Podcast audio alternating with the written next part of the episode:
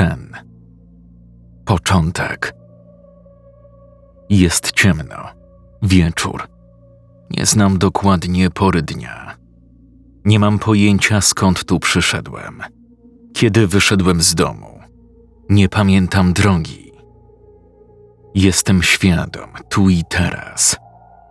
Tylko to, nic więcej. Jak to zazwyczaj w śnie bywa. Szutrowa droga, kilka wysokich drzew po bokach. Rosną w nieregularnych odstępach. Najwyższe wpijają się w niebo koronami drzew, niczym rozcapierzonymi pazurami. Fragmenty ogrodzenia i przebijające przez mrok światła pobliskiej posesji świadczą, że prócz mnie ktoś tu jeszcze jest. W ogóle żyje. Nie widzę domów, żadnych konturów ścian czy zarysów dachów. Dostrzegam tylko rozświetlone okna, konkretnie ich blask. Wiem, że muszę być w domu najpóźniej o 23. Góra 15 po. Musi być piątek albo sobota. W piątki i soboty zawsze mogę wrócić do domu nieco później względem innych dni tygodnia. Powoli pojawiają się szczegóły. Kilka metrów przede mną idzie James. Widzę zarys jego sylwetki, jak się skrada. Między drzewami i krzakami. Idzie przygarbiony. Uważnie stawia każdy krok Przyspiesza. Za moment zwalnia. Zatrzymuje się, kłóca, odwraca do mnie. Przystawia palec do ust, aby zachować ciszę. Zastyga w bezruchu. Idę w jego ślady. Za chwilę się rozgląda, nadstawia ucha. Ma na sobie czarną bawełnianą bluzę i spodnie moro. Dłuższe włosy spiął z tyłu w kucyk. Zerkam za siebie do tyłu. Stoi tam Antony. Ma skupiony wyraz twarzy. Patrzy przed siebie. Nie wiem, na czym koncentruje wzrok. Milczymy. Ma na sobie ortalionową kurtkę z jakimś jasnym napisem. Nie wiem jakim. Litery się rozmazują, rozlewają, są nieczytelne. Do tego spodnie dżinsy i czapka. Zwykła bejsbolówka założona daszkiem do tyłu. Pochukiwania sowy mieszają się ze szczekaniem psów. Dochodzą z oddali od strony miasta. Słyszę szum liści i szum przejeżdżających w oddali aut. Na koniec trzaśnięcie drzwi.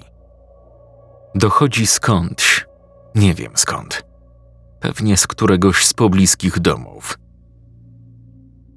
James ma 16 lat. Wiem to. Niedawno miał urodziny. Tyle samo ma Antony. Jestem w ich wieku, wiem, że jesteśmy rówieśnikami. Dochodzimy do ogrodzenia z rozciętą siatką. Przechodzimy. Rozglądam się. Podwórko jest zapuszczone, pozostawione samo sobie dzikie. Po wysypanych tłuczniem ścieżkach nie ma śladu. Zarosły. Wysokie pokrzywy, przerośnięte mlecze, bujna trawa. Pokrzywy mają duże, pożółkłe kwiaty. Jest też dzika jabłoń, grusza i czereśnia. Mnóstwo leżących zgniłych owoców – przez moment czuję zapach fermentacji, zepsucia, pleśni. Uświadamiam sobie, gdzie jestem. Przypominam sobie. Z mroku niewiedzy wyłania się obraz. To posesja starego Duncana. Tak, dokładnie. Jestem na posesji starego Duncana. Starego, głupiego, niespełna rozumu Freda Duncana. Pustelnika, samotnika, wariata. Całe życie spędził z rodzicami pod opieką. Ponoć kiedyś jako siedemnastolatek uszkodził głowę. Pomagał przy żniwach, spadł z wozu, stracił przytomność. Z prawego ucha leciała mu krew. Kropla za kroplą. Krwotok był nie do zatamowania. W szpitalu okazało się, że miał krwiaka. Przebył dwie operacje głowy na otwartej czaszce, trepanację. Po czymś takim nikt nie jest taki jak wcześniej. Być może są osoby, którym udaje się powrócić, odzyskać sprawność, pełnię władz umysłowych. Staremu Duncanowi się to nie udało. Jakby jego świadome ja zostało zaklęte, zamienione w zakrzep i usunięte, wykrojone, następnie wyrzucone na śmietnik z odpadkami medycznymi i razem z nimi utylizowane. Pośród zużytych igieł, zakrwawionych pieluch, wacików, prześcieradeł, starych narzędzi chirurgicznych, niechcianych płodów. Nie mogę niczego obiecać. Absolutnie niczego. Powiedział rodzinie Duncana lekarz prowadzący. Wypowiedział te słowa zaraz po trwającej kilka godzin operacji. Dobrze, że nie obiecywał. Skłamałby. Dopóki żyła mama, funkcjonował. Wraz z jej śmiercią przestał funkcjonować. Zwrotnym momentem w jego marnym życiu był fakt odkrycia piwniczki z alkoholem. Jego ojciec Ted słynął swego czasu z najlepszego bimbru w okolicy.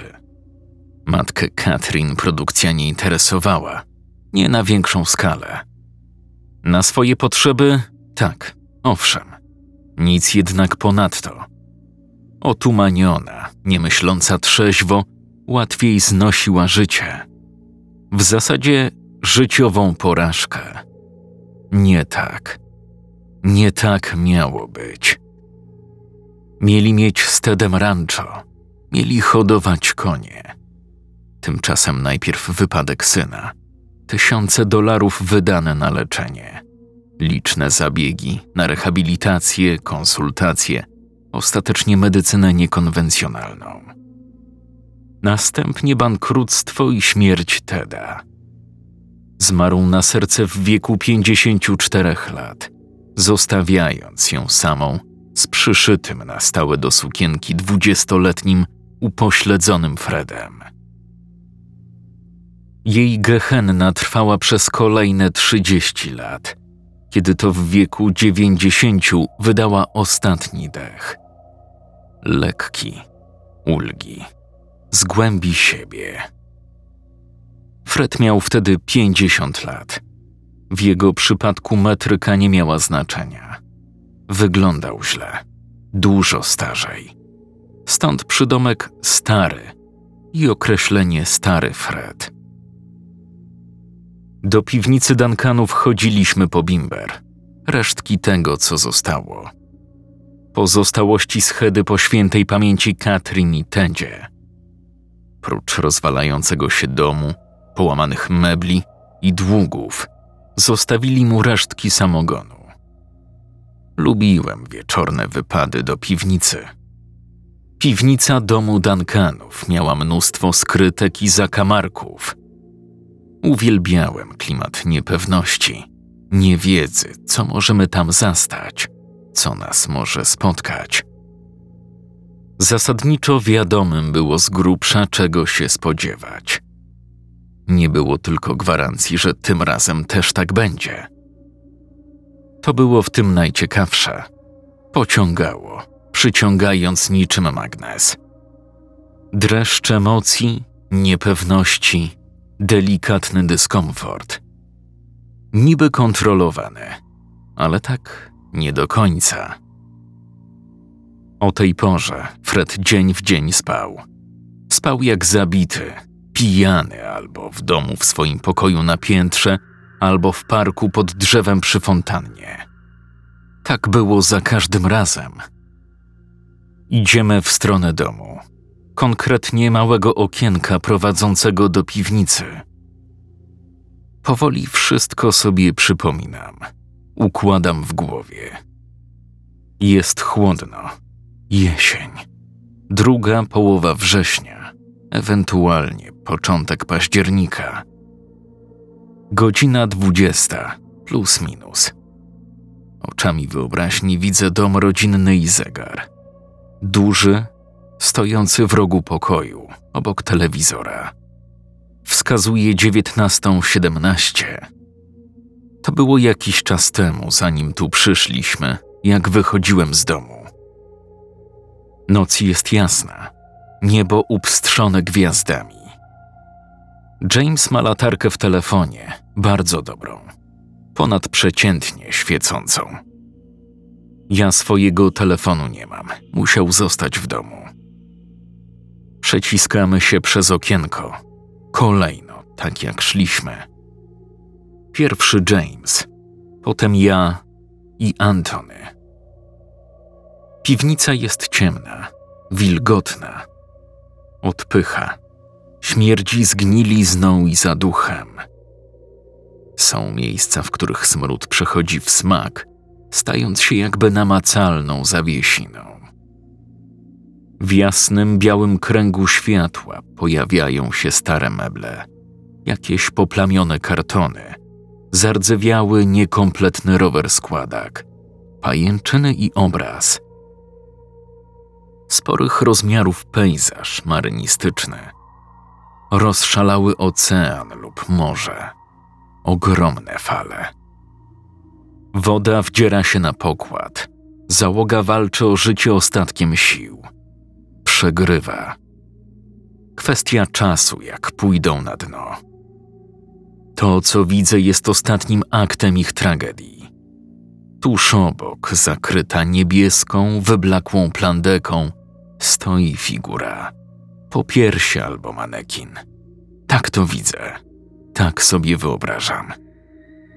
Do tego masa potłuczonych, pustych słoików i butelek. Zawsze interesowało mnie, co zasłania plandeka. Nigdy nie miałem odwagi jej podnieść. Nigdy się na to nie zdobyłem.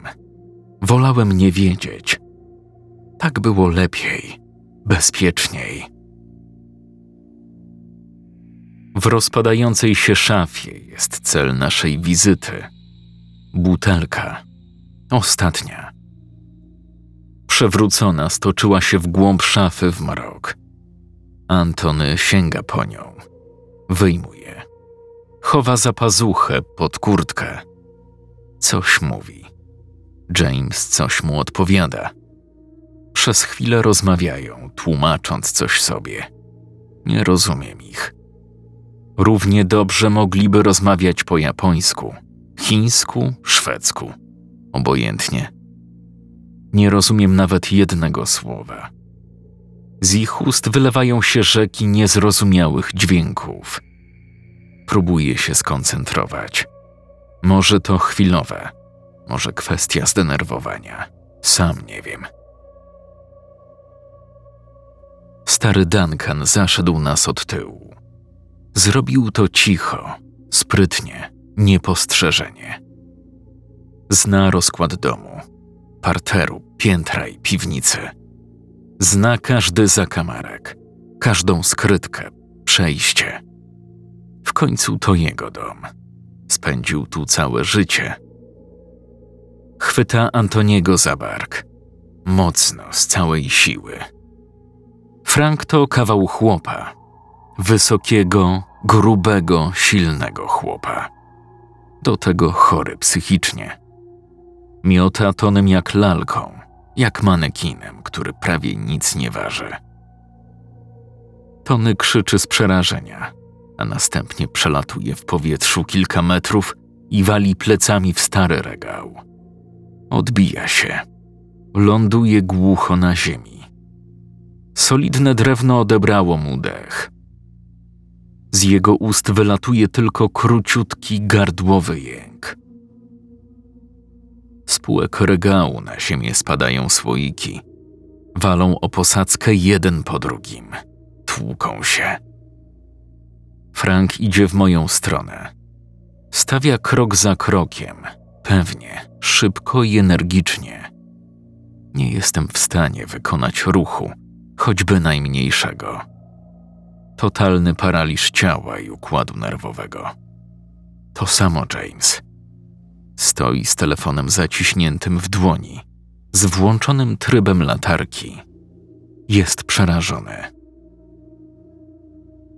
Nieświadomie odgrywa rolę oświetleniowca. Gdzieś z głębi piwnicy dochodzi jęk Tonego. Długi i przeciągły. Na zmysły opada martwa cisza. Opada nagle. Na wszystkie poza zmysłem wzroku. Nerwowy, krótki, szarpany oddech i tłukące serce. Tylko to czuję, tylko to słyszę. Wszystkie inne dźwięki są wyciszone. Nie ma ich, jakby nie istniały. Nie słyszę kolejnych jęków przyjaciela, ani kroków zbliżającego się w moją stronę Freda. Jego ciężkie buciory na pewno wydają dźwięk przy zetknięciu z drewnianą podłogą piwnicy. Muszą wydawać. Doskonale za to widzę jego twarz i czarne oczy. Pojebany gospodarz chwyta mnie za gardło, zaciska palce, ma w nich imadło. Widzę jego wykrzywioną w coraz bardziej chorym, demonicznym grymasie twarz. Widzę w jego oczach szaleńczy rodzaj alkoholowej pustki, skrywaną latami furię. Miała wystarczająco czasu, by dojrzeć, by się ujawnić, zaprezentować szerszej publiczności w całej okazałości, by dorosnąć do zabijania. Jedynie nagłe odcięcie energii życiowej może go powstrzymać. Jedynie utrata przytomności może zapobiec śmiertelnemu zaciśnięciu dłoni na mojej szyi. Tak myślę. W zasadzie to wiem. Nie wiem tylko, jak tego dokonać. W głowie mam jeden wielki chaos myśli przeplatających się wspomnień przed oczami przelatują obrazy. Widzę uśmiechniętą twarz mamy. Jest młoda, bardzo młoda. Przytula mnie. Czuję jej miłość, radość. Za chwilę jadę na rowerze, a obok mnie biegnie tata. Spokojnie, dasz radę, mówi. Jego twarz staje się animowana, rysunkowa potem się rozmywa. Wygląda jak z obrazu Van Gogha. Cięcie. Siedzę w pokoju, małej klitce. Obok siedzi babcia. Coś do mnie mówi, opowiada. Nie rozumiem ani słowa. Cięcie. Jestem na trawniku. Wielkim, zielonym trawniku. Trzymam czyjąś rękę, bardzo delikatną i drobną. Nie wiem dokładnie czyją. Wiem tylko, że bardzo ważnej, bliskiej mi osoby. Może siostry, może mamy, albo ukochanej dziewczyny, której jeszcze nie spotkałem, a na której bardzo mi zależy. Wystaje z ziemi uwięziona. Próbuję ją odkopać. Staram się z całych sił pomóc. Ziemia jest zbita i twarda. Nie mam szpadla. Wspomnienia są jaskrawe, mocno przesycone. Niepotrzebnie przyszliśmy. Niepotrzebnie dzisiaj, myślę. Czuję na twarzy krople nie wiem czego. Na pewno cieczy. Nie wiem skąd. Nie wiem czemu. Wraca ciemna piwnica. Wyłania się Duncan połamany regał za jego plecami i mnóstwo szkła na podłodze. Zwolnił morderczy uścisk. Już mnie nie trzyma i nie dusi. Stary zatacza się, odwraca do mnie plecami. Widzę sączącą się z rany na boku jego głowy krew. Rana jest szeroka. Skóra rozeszła się na kilka centymetrów Krew leci strumieniem po ramionach, plecach, barwi na czerwono. Przecieram dłonią twarz. Ręka jest czerwona. To krew. Krew z szerokiego na kilka centymetrów rozcięcia na głowie Freda. Z ciemności wyłania się drewniany element. Konkretny, masywny. Leci w stronę głowy Duncana. Uderza w nią raz, drugi. Przy drugim uderzeniu z mroku wychodzi Tony. To on zadaje uderzenia. Bije z całej siły, z całym wziętym zamachem i skrętem tułowia.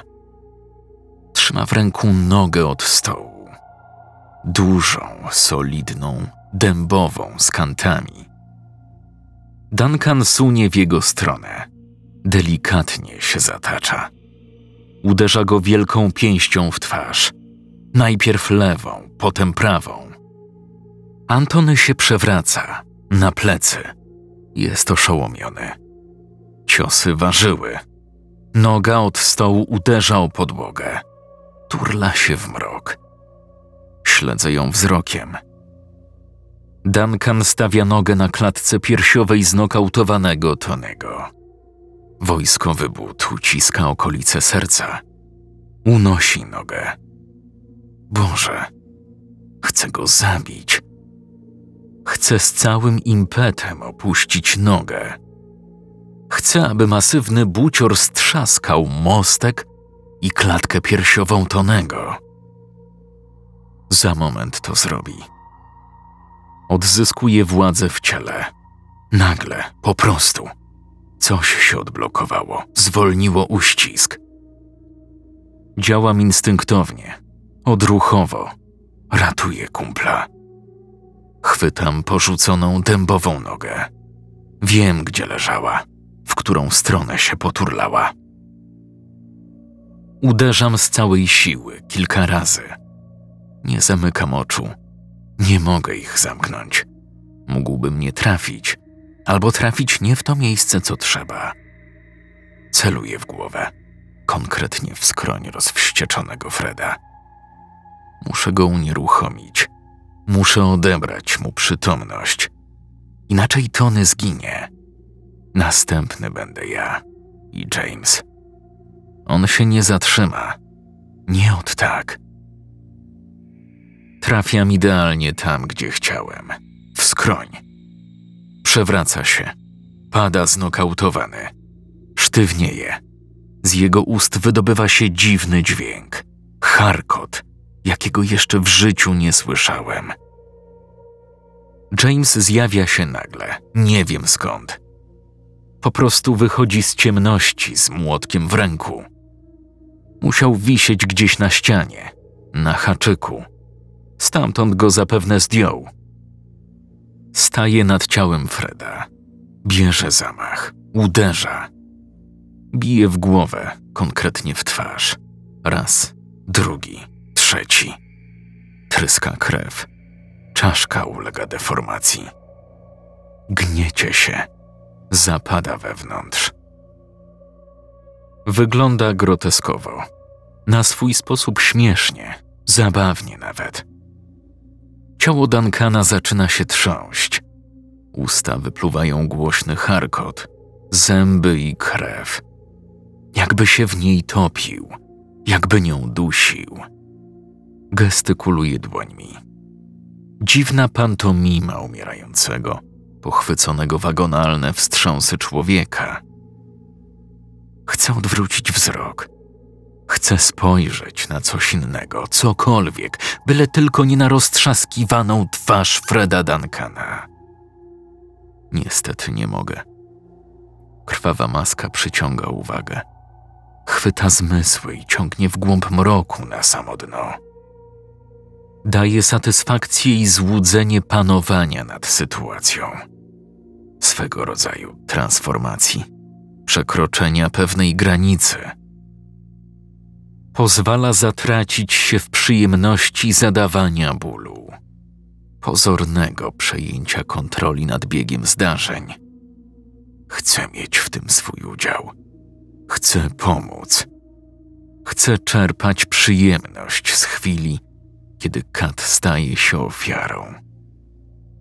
Już nie jesteśmy zwierzyną. Już nie. Błysk. Budzę się zlany zimnym potem. Chce mi się pić. Czuję gulę w gardle, jakby larwę. Grubą, mięsistą, doskonale odżywioną. Z trudem oddycham. Przeklinam pod nosem raz, drugi, trzeci. Żegnam się. W imię Ojca i Syna i Ducha Świętego. Nienawidzę tego snu. Nienawidzę powracającego sennego koszmaru. Pojawia się zawsze przed kryzysem. Zawsze, gdy mam chęć odreagować paskudną szarość i bezsens życia. Wyrzucić coś z siebie. Coś złego, paskudnego, wlewającego się w umysł niczym smoła. Wlewa się każdej minuty, każdej godziny, każdego dnia, tygodnia, miesiąca, dochodząc do pewnej granicy temperatury wrzenia. Robi to powoli, po trochu. Ma czas. Sen jest niczym złe proroctwo, niechciany prognostyk tego, co w najbliższym czasie będzie miało miejsce. Przepowiednia niechcianych uczuć, chcących materializacji nastrojów. Biorę leki. Muszę. Od razu trzy tabletki. Dawka uderzeniowa. W przeciwnym razie, przy pierwszej lepszej nadarzającej się okazji, mógłbym stracić panowanie nad sobą. Mógłbym zrobić krzywdę sobie albo komuś z byle powodu, błahostki jakiejś. Później być może nawet tego żałować. Dlatego przeciwdziałam. Nie chcę tego gówna. Nie chcę zła i czerpania radości z zadawania bólu. Chcę się cieszyć, uśmiechać, dawać radość. Z Duncanem to był wypadek. Tak, zawiniliśmy. Wszystko się zgadza. Nie powinno nas tam być. Wiem to. Zdaję sobie z tego sprawę. Ale byliśmy. Zabiliśmy i uciekliśmy, pozorując samobójstwo. Tylko głupek uwierzyłby w samobójczą śmierć starego. Nie z takimi obrażeniami, nie w takim stanie, w jakim go znaleziono w piwnicy, śmierdzącego w stanie rozkładu. Udało się nam. Nie przypadkiem udało. Ojciec Tonego był szeryfem i to głównie jemu zależało, by wyciszyć sprawę, by ukręcić jej łeb. Broń Boże, nie nadawać rozgłosu. Wszyscy trzej mielibyśmy zmarnować życie, a tak miał je tylko Duncan. Tak wtedy myśleliśmy. Niestety to nie takie proste. Koszmar powraca. Powraca co jakiś czas. Zarzuca niewidzialną pętlę na mózg i dusi. Jest niezmordowany. Żąda ofiary. To wyrzuty sumienia. A może karma, sam nie wiem. Albo klątwa. Klątwa starego, niespełna rozumu Duncana. W agonii, kiedy się dusił, kiedy bełkotał, uskuteczniając agonalną pantomimę, mówił coś. Parskał krwią i rzucał klątwę. Całkiem możliwe. Całkiem prawdopodobne, że tak właśnie było. Czerpiąc radość z czynienia zła, przyjęliśmy je do siebie. Wszyscy trzej. Klątwa zadziałała. Trafiła na podatny grunt, na żyzne młode umysły. Wdarła się do mózgu i w nim zagnieździła. Zło raz zaproszone będzie powracało. Nie pozwoli o sobie zapomnieć. Taka jest cena. Z bulterierem jest podobnie. Z natury to raczej spokojny, rodzinny, towarzyski pies. Mówię raczej, ponieważ zawsze gdzieś tam znajdzie się jakiś jeden agresywniejszy szczeniak. Z każdą rasą tak jest. Jest jednak jeden warunek. Nie można poddawać go szkoleniu obronnemu. Podczas szkolenia poznaje, czym jest agresja. Celowo się ją w nim pobudza. Nieunikniony schemat. W niektórych sytuacjach musi być nią przepełniony. Musi atakować, chcieć zagryźć, zrobić krzywdę. To już nigdy nie będzie ten sam psiak. Bull Terrier to zwierzę identycznie takie samo jak my, ludzie. Anton nie dał rady. Trzy lata temu popełnił samobójstwo. Wcześniej dużo pił, brał narkotyki. Miał częste ataki agresji. Nie potrafił nad nimi w żaden sposób zapanować. Ciął się. Rodzinna tragedia. Osierocił dwuletnią córkę. Miał 24 lata. James zaraz po rozwodzie zaciągnął się do Legii Cudzoziemskiej. Ostatni raz widziałem go pięć lat temu. Mówił, że tam jest mu łatwiej się z tym uporać. Na misjach czasami, no wiesz, tam nikt tego nie sprawdzi, nie zweryfikuje. Nikt nie docieka. Tam często się takie rzeczy dzieją. Codziennie ktoś kogoś zabija. Wtedy przechodzi na jakiś czas. Na pół roku, czasami parę miesięcy dłużej. Nie chcę brać leków. Nie chcę chemii. Unikam szprycy. Psycholodzy i psychiatrzy to nie moja bajka. Nie potrafię o tym mówić. Nie komuś obcemu. Komuś, kogo nie znam. To i tak by nic nie dało. Pierdolony psychol nas przeklął. Nic nie dzieje się przypadkiem, to klątwa. Rozmawiałem na ten temat z kilkoma osobami. Wiesz albo nie wiesz, ale Zgret rzucił na nas klątwę. Jesteśmy przeklęci. Naznaczeni zbrodnią. Nieodwracalnie naznaczeni. Wszyscy trzej. Do końca życia. Do samej śmierci. Dwa tygodnie temu zginął. Gdzieś w Afryce podczas potyczki z miejscowymi. Ostra sprawa. Wymiana ognia. Podobno umierając się śmiał. Głośno jak szaleniec. Zostałem sam. Jeden, jedyny. Tylko ja. Ostatni przeklęty. Gardzę złem. Bezsensownym, patologicznym. Nie chcę go. Nie ulegnę mu. Muszę tylko wziąć leki. Kilka tabletek i po sprawie. Przejdzie. Wiem, że przejdzie. Nie wiem na jak długo, ale przejdzie.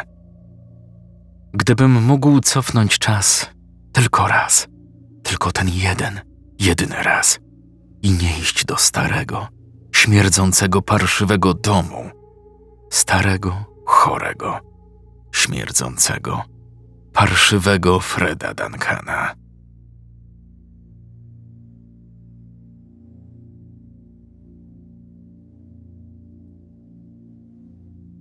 Scenariusz Gabriel Grula.